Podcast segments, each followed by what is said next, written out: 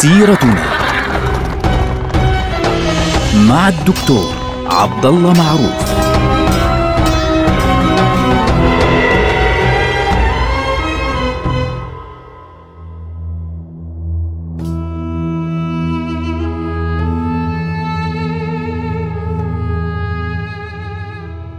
السلام عليكم ورحمة الله وبركاته. سيرتنا سيرة هذه الأمة ونحن الآن في عهد السلطان عبد العزيز خان.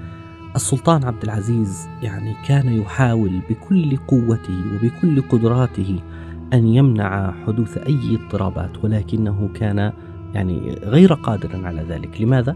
لأن الأوضاع العالمية كانت في ذلك الوقت يعني أصعب مما كان يتخيل وكانت الدنيا منفتحة على فكرة إسقاط الدولة العثمانية واقتسام ما تستطيع من آه يعني من تركتها في ذلك الوقت.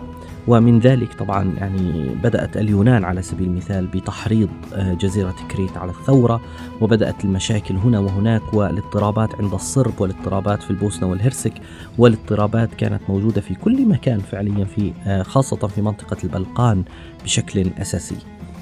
السلطان عبد العزيز من ناحية أخرى كان رجلا متقدما على غيره في تفكيره الدبلوماسي. يعني هو أول شخص يفكر من السلاطين العثمانيين بإجراء زيارة دولة زيارة دولة. وأول ما يعني كان في ذهنه وانقدح في ذهنه من الأعمال المتعلقة بزيارة الدول كانت زيارة مصر تحديدا. طيب ما هي مصر تابعة للدولة العثمانية؟ آه مصر منذ عهد محمد علي باشا كان وضعها مختلفا تماما. يعني سليم الثالث أيام السلطان سليم الثالث. طبعا سليم الثالث بيجي متى تاريخه؟ يعني ذكرناه في حلقات ماضية. سليم الثالث حكم ما بين عام 1789 حتى عام 1807 وفي زمنه ظهر محمد علي باشا في مصر وتقريبا كان شبه مستقل في مصر.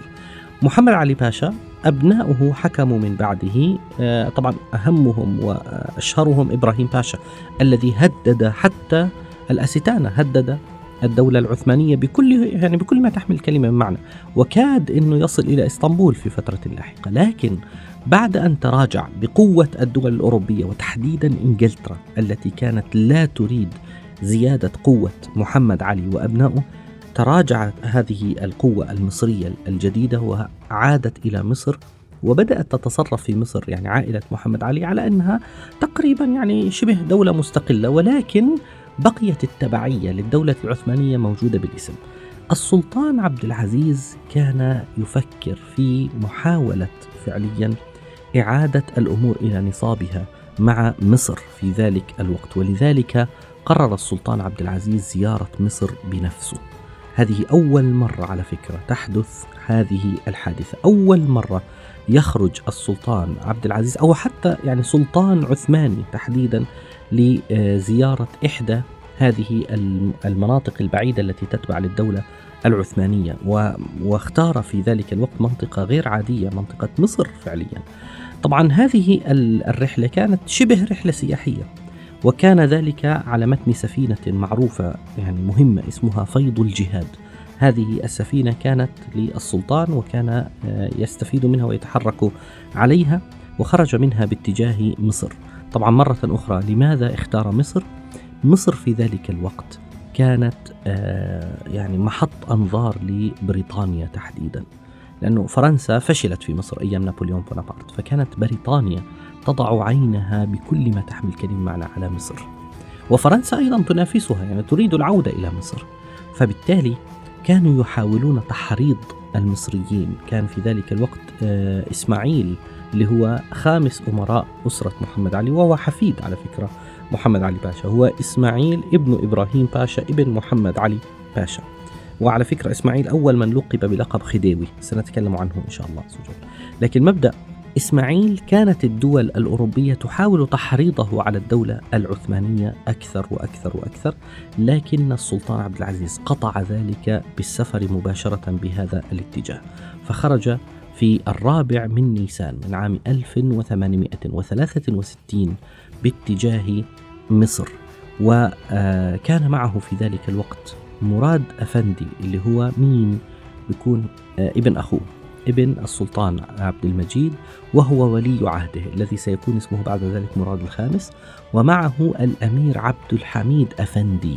عبد الحميد أفندي اللي هو مين بالضبط؟ اللي هو السلطان عبد الحميد الثاني على فكرة. ومحمد رشاد أفندي اللي هو سيكون اسمه بعد ذلك السلطان محمد رشاد. ومعه يوسف عز الدين أفندي اللي هو ابنه. لاحظوا ابنه لم يكن وليا العهد في ذلك الوقت وكان معه أيضا وزيران مهمان جدا اللي هو فؤاد باشا ومحمد باشا وتحرك باتجاه الإسكندرية فنزل في الإسكندرية ثم تحرك منها باتجاه القاهرة زار القاهرة وهناك افتتح فيها ما يسمى في ذلك الوقت المعرض العثماني معرض عثماني معرض صناعي ليه؟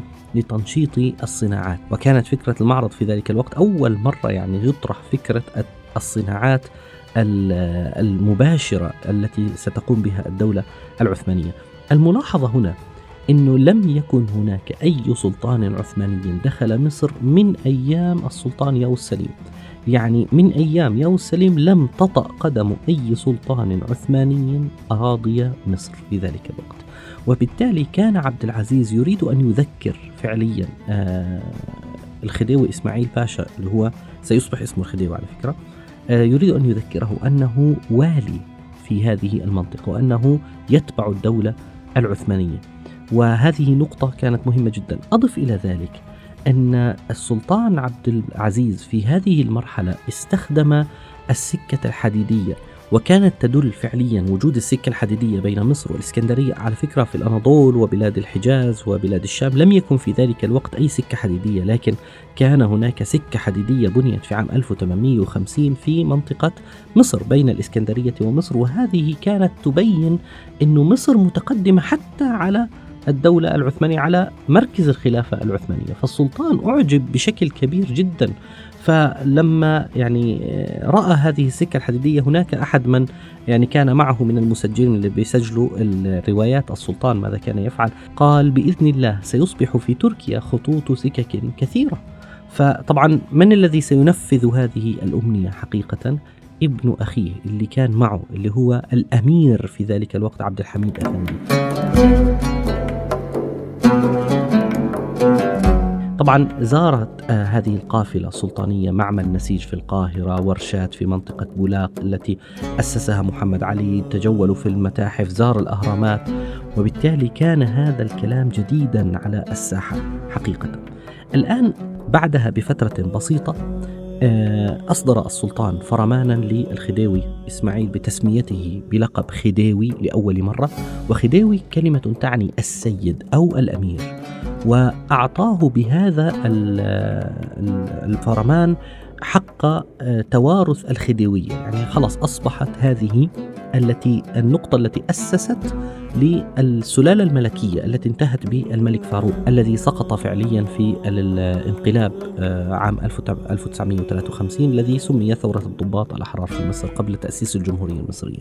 فهذه الزيارة كانت أساسا لوضع لقب خديوي الذي كان أساسا لوضع الفرمان الذي بموجبه أصبحت السلالة سلالة محمد علي العلوية كما تسمى سلالة ملكية في مصر طبعا في عام 1867 يعني بعد أربع سنوات من هذه الرحلة آه، الجميلة العجيبة إلى آه، مصر سافر السلطان لأول مرة خارج حدود الدولة العثمانية. هذه أول مرة في التاريخ العثماني يغادر السلطان العثماني حدود الدولة وليس لقتال وإنما في رحلة سياحية إن صح التعبير ورحلة دبلوماسية آه، إن صح التعبير. يعني لم يحدث هذا سابقا أبدا. في عام 1867 وتحديدا في يوم الثاني والعشرين من شهر يونيو شهر 6 عام 1867 الموافق للتاسع عشر من صفر عام 1284 للهجرة خرج السلطان عبد العزيز من آه، إسطنبول باتجاه مدينة باريس. كان الاتجاه فعليا من آه، إسطنبول على متن سفينتين مهمتين.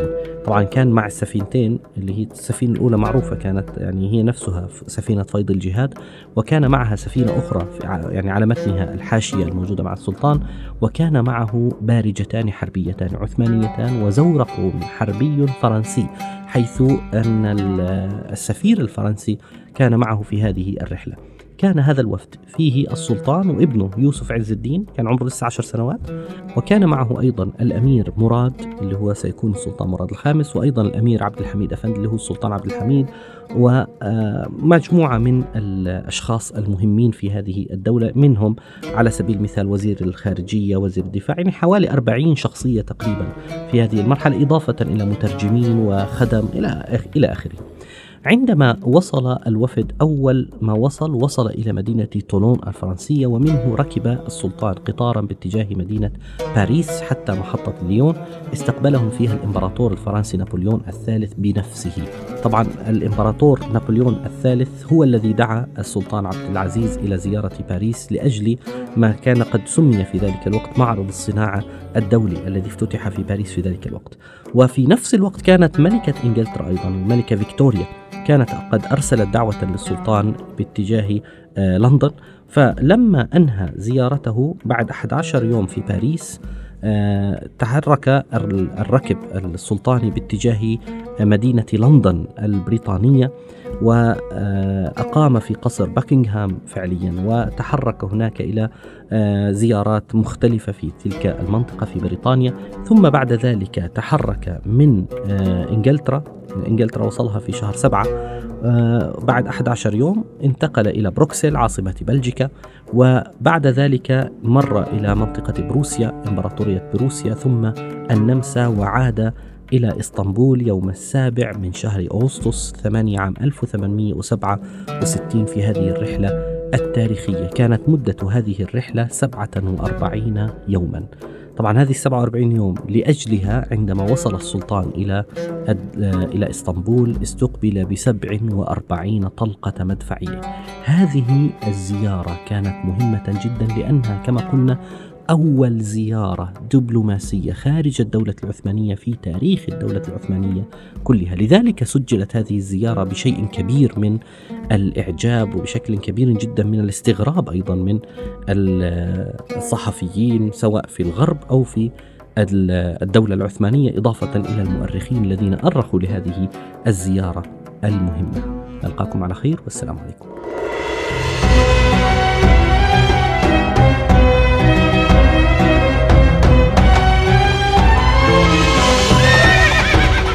سيرتنا مع الدكتور عبد الله معروف.